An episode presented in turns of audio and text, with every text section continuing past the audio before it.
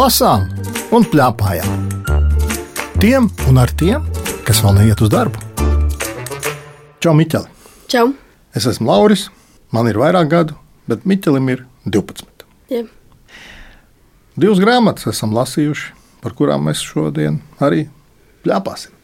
Pirmā grāmata - Korras pasaules.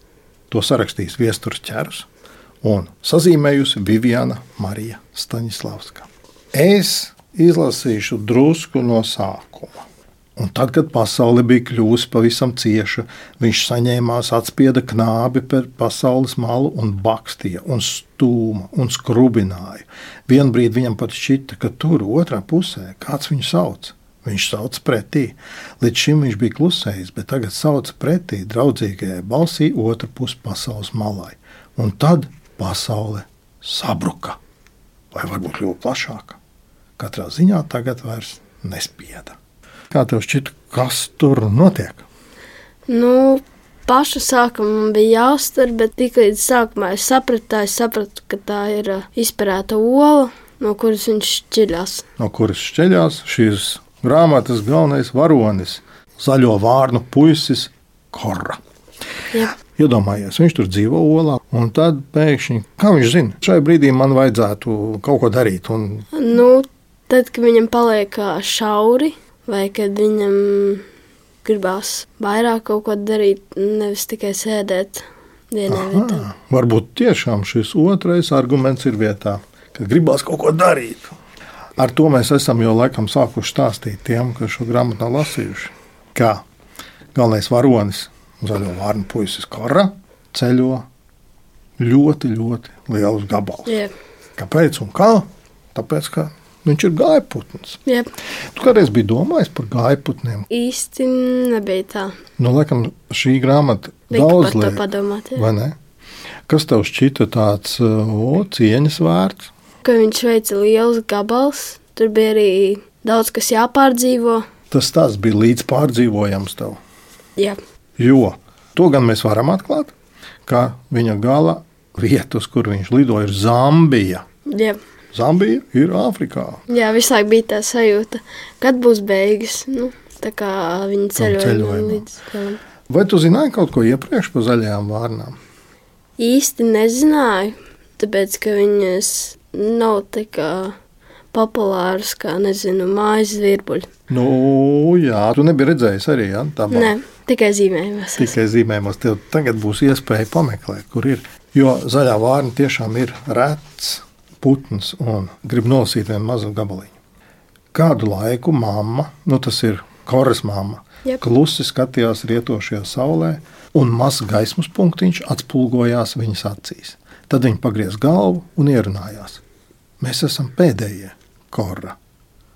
Māmas vārdi Korus atrieca. Patiešām.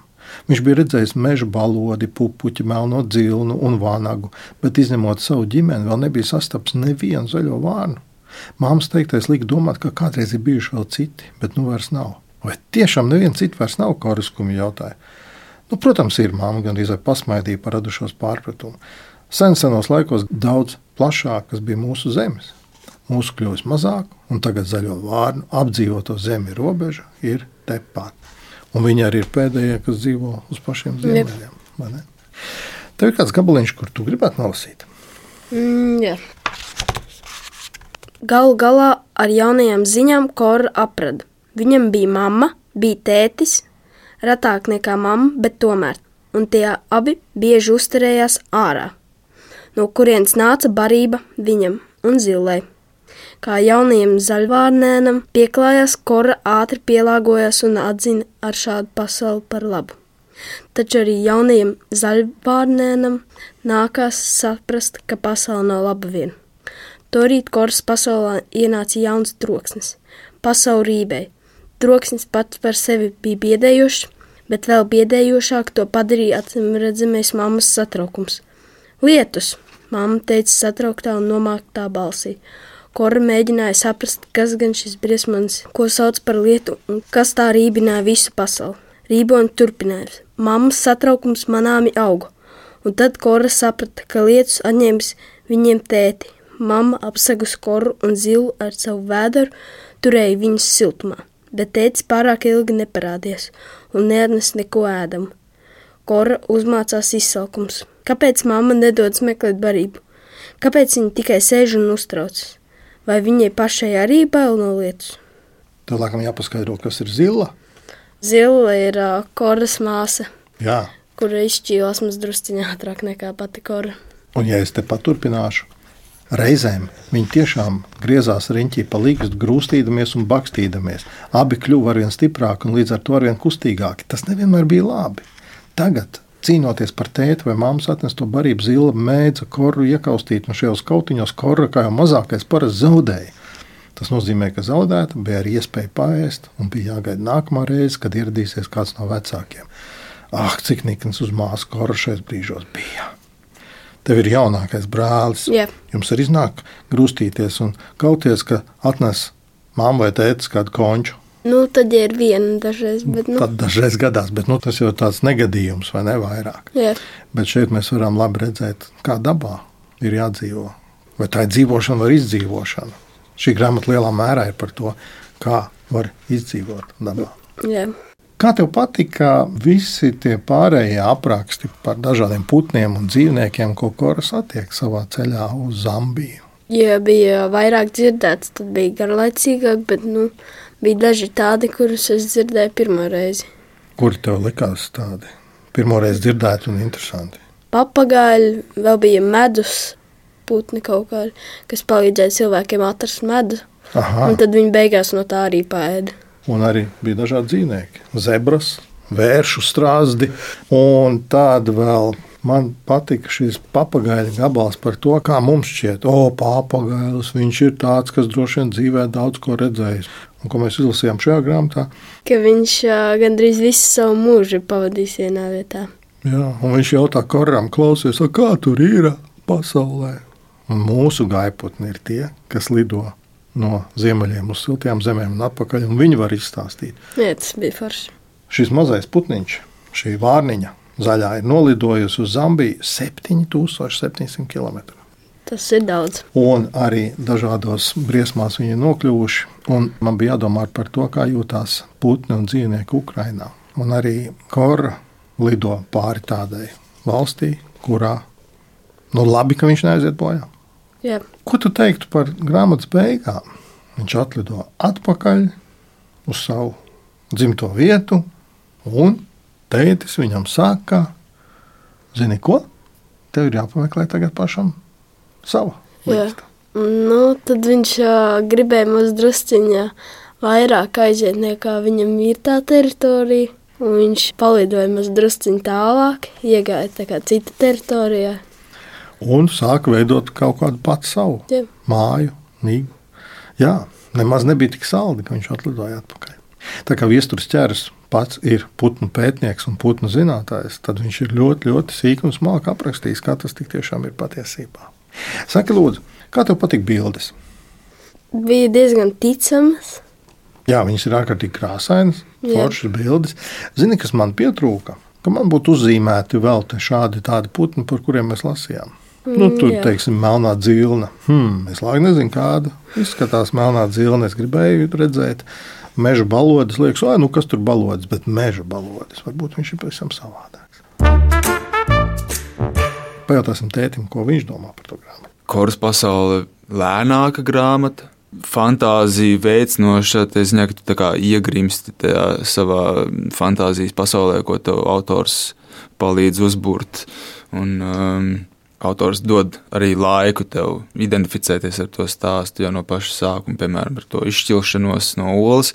Kaut arī grāmatā rakstīja trešā personā, nu, tā kā uzreiz pats sevi ieliec tajā situācijā, un, un tās redzes bildes nāk.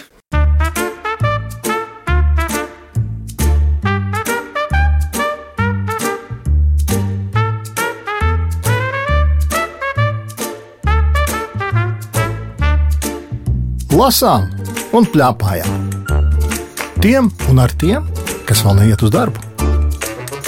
Mēs ar Miķeli esam izlasījuši vēl vienu grāmatu, kur bija jādomā par to pašu, par dzīvošanu un izdzīvošanu. Es tagad nolasīšu nosaukumu šīs grāmatas, un Laikam mums ir jāpasaka pieci vārdi par šo nosaukumu. Šo grāmatu ir sarakstījis Gendrūtis Morkūns, un tās nosaukums ir No nomdirša dzīves. Tu saņēmi šo grāmatu, un tu domā, kas tas par nosaukumu? Mm, nē, gribējās uzzināt. Bet katrā ziņā tas bija ļoti negaidīts nosaukums. Un šo jau ir paredzējis grāmatas autors, un viņš jau pašā sākumā mums uzraksta.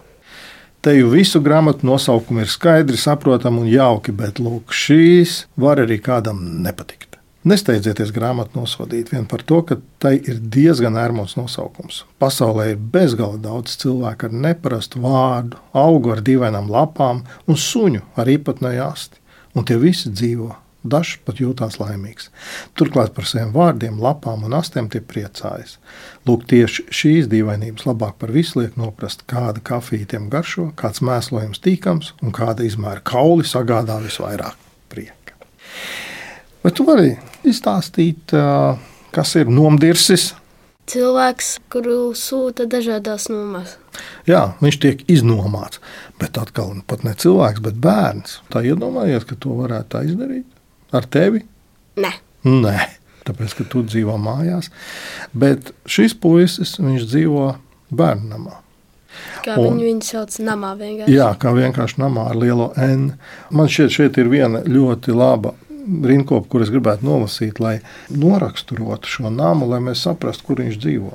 Gulta namā tā ir svarīgākā lieta. Uz tās var sēdēt vai gulēt. Zem gultas slēpjam visdažādākos nieciņus, pašus svarīgākos turam gultā. Gribot kādu pieveikt, var viņu gultā piečurāt. Tos, kuri neko nav daudz nogrēkojušies, izmetam no viņu gultām un uz kādu pusstundu tās aizņem citi. Tas, kuru istabas stūrī atrodas tavu gultu, nosaka tavu vērtību. Dažkārt uz gultām mēs stāvam vai lienam zem tām, tāpat vien bez iemesla. Namā mēs daudz ko darām bez iemesla. Un tiek aprakstīts nama dzīve. Tev šķiet neticama šī nama dzīve? Mm, nebija tā, ka pilnīgi neticama. Bet nežēlīga. Jā. Kur turklāt dzīvo visi bērni, kuriem nav vecāki. Kur gabaliņu tu nolasīji no grāmatas? Mm, man patika viens no beigām. Uh mhm. -huh. Mums blakus negaidīti klusiņam, pavērs durvis, kādas durvis. Tajās parādās šausmīgi apauguši vīriešu seji, mežonīgi bārda un ūsas, pat no ausīm lien ārā gari mati. Nāciet šurp, mums pamāja pinkaina roka, ātrāk nebeldziet kā auni. Tāpat vien es nekad nelīstu tāda briesmoņalā, kas zina, varbūt viņš ēdbērns bet nu citas izējas nav. Nolēmu no diviem ļaunumiem izvēlēties vienu. Vēl nezinu, vai mazāko, bet paņem maziņo aiz rokas, un mēs abi zibenīgi pazūdam durvis praugā. Vīrietis nobloķē durvis ar kaut kādu koka gabalu un ved mūs pa tumšu gaiteni. Māja nav apdzīvota, visur putekļi un klusums. Nav redzams nevienu cilvēku, bet sīkāko peļu pēdiņas. Dzirdam durvju rībināšanu. Tas ir policists. Rādās, viņš nespēja noticēt, ka pelītis izsprukušas no viņa ķetnām. Jūtos, it kā būtu izkļuvis no aizsieta maisa. Brīnumainā kārtā izkļuvis, pat nesaprot, kā tas maisa tikai atsiets. Miķels tagad to nolasīja, un es domāju, ka mūsu klausītājiem ir liels jautājums. Pagaid, pagaid, pagaid, tur ir bēgšanas, un skriešanas, un ņemšanās un slēpšanās, vai ne? Jeb. Tu zini, vienu brīdi es tā domāju, šī grāmata, gan arī lielākā daļa, varētu tādu žanru viņai piešķirt, kā asa sižeta filma. Varētu. Jo šis nomdirsis glābi vienu mazu puiku, ko sauc par maziņo, kuram arī nav salda dzīve, kur vecāki ir izšķīrušies. Un viņi nonāk situācijā, kad viņiem ir jālaižās. Jā. Bija interesanti tam sekot. Jā. Es stipri vien šādi pārdzīvoju par to, kur viņi nonāk. Kā tu domā, viņiem noveicās tikt sveikā cauri, vai tas tomēr bija tā likumsakarīgi, ka viņi tika cauri sveikā, ka nomdirsis tomēr kaut ko darīja lietas labā? Nu, es domāju, ka likumsakarīgi. Tāpēc, ka savā mērā viņš bija vainīgs par to, ka viņš ar viņu aizbēga, bet nu, viņš tomēr ir tikai bērns, kurš uh, mēģina palīdzēt uh, kādam mazākam, kuru vecāki visu laiku zog viens no otra. Tad uh, tur sanāca tā, ka viņi zoga un tad nonāca pie tiesas. Bet tur viņi bija palikuši vieni paši mājās, un tur atbrauca policisti un ugunsdzēsēji. Viņi speciāli stāstīja, ka viņi tur ir atlauzījuši durvis, Un tad viņi aizbēga pārtraukuma laikā. O, tagad es tev apstādināšu, nedrīkstam stāstīt visu grāmatu. tad jau tas nebūs godīgi laikam. Bet zini, kāpēc man šķiet, ka Nomdirs uzņēmās ļoti daudz pienākumu, kur viņam nebija jāuzņemās, tāpēc, ka viņš bija audzis tajā namā, kurā viņiem visiem tika audzināta mm. cietsirdība. Yeah. Un viņš bija pieradis, ka ir jāizdzīvo un ir viss no katras situācijas jātiek cauri sveikā. Viņš arī savā mērā baidījās, ko teiks pārējie bērni, ja viņš nebūs izturējis cietsirdīgi. Tev bija par šo jādomā? Mm, es par to padomāju. Principā bez cietsirdības lietas arī varētu risināt. Jā, šis bija tāds ļoti svarīgs jautājums, par ko visu laiku jādomā, lasot šo grāmatu. Man arī šķita ļoti saprotami, ka abi šie zēni, kuriem nebija salda dzīve, ļoti labi saprata šo kā dzīvot. Es nolasīšu vienu gabaliņu. Kad viņi bija aizgājuši, tur pirms tam bija situācija, ka Nomdirs ir sakāvies, lai aizstāvētu maziņo. Kad viņi ir aizgājuši, maziņais ilgi klusē, un tad jautā, sāpēja? Nē, kutēja. Atbildu. Zinu, sāpēja. Gaidu, ka viņš sāks ņirgāties, bet viņš nopietni paskatās uz mani un saka: Tu nebaidies.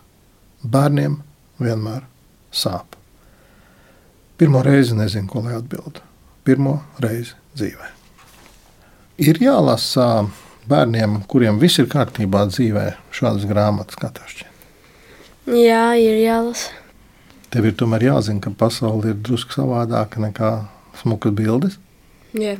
Kāpēc tu naktī raudāji? jautāja maziņais. Tev izlikās. Nē, no rīta savoda asaras maržu. Es to pazīstu. Vakaros raudu, bet no rīta ostu. Tad man ir jautrāk, klusēji. Bet viņš turpina. Agrāk raudāja tikai pie tēta, bet tagad arī pie māmas. Nezinu, kas notika.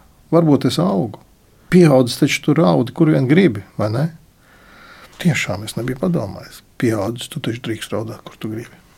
Un kad bērns, tad tev saka, neraudi, neraudi. Ir ļoti, ļoti daudz ko jādomā. Un man gribētos nobeigt šo grāmatu ar vienu pavisam īsiņu gabaliņu, ko mēs no šīs grāmatas varam paņemt un par ko domāt visilgāk. Pagaidu dažus brīžus, klusums. Viņš runā pa telefonu. Pie Stefānijas es esmu piemetinu. Sajūtas viegli dunku izlaboja pie Stefas. Un tad, liekas aiz bezcerības, ka telefons tā arī klusēs, izrunāju. Viņa ir ļoti laba. Redzu, kā izstiepjas direktora seja. Tādas vārdas no savām iemītniekiem viņš nekad nav dzirdējis. Un es tā nekad neesmu runājis. Teikt, labs, izturīgajiem un cietsirdīgajiem ir aizliegts. Ieteiktu lasīt šo grāmatu? Jā, noteikti. Es arī. Pajautāsim, ko tētis vai tētis arī iesaka. Nu, es teiktu, ka šī grāmata ir krietni vien izaicinoša. Autors ir mēģinājis maksimāli rast uh, veidu, kā bez liekiem izskaistinājumiem un maksimāli tuvu nokļūt pie tās problēmas, par ko viņš raksta šeit, par bērnu par uh, ielu dzīvi, par um, nelabvēlīgiem apstākļiem bērniem. Un dažas lietas, kas šajā grāmatā parādās, ir, nu, prātam, neaptveramas. Bet uh, nu, kaut kādu zināmu robežu autors tomēr ir noturējis, ka to var lasīt arī bērns. Es domāju, vēl svarīgāk ir, ka šādas grāmatas lasot, ka pēc tam par tām arī runā. Un ka bērni var nebaidīties par to runāt ar vecākiem, un ka vecāki var nebaidīties par šīm lietām runāt ar saviem bērniem. Ar Miķeli runājās Lauris Gunders, raidījuma redaktore Agita Bērziņa, skaņu režisori Valdis Raitums un Nora Mitspapa. Raidījumu vēlreiz klausies Latvijas radio lietotnē, mājaslapā un arhīvā. Tiekamies!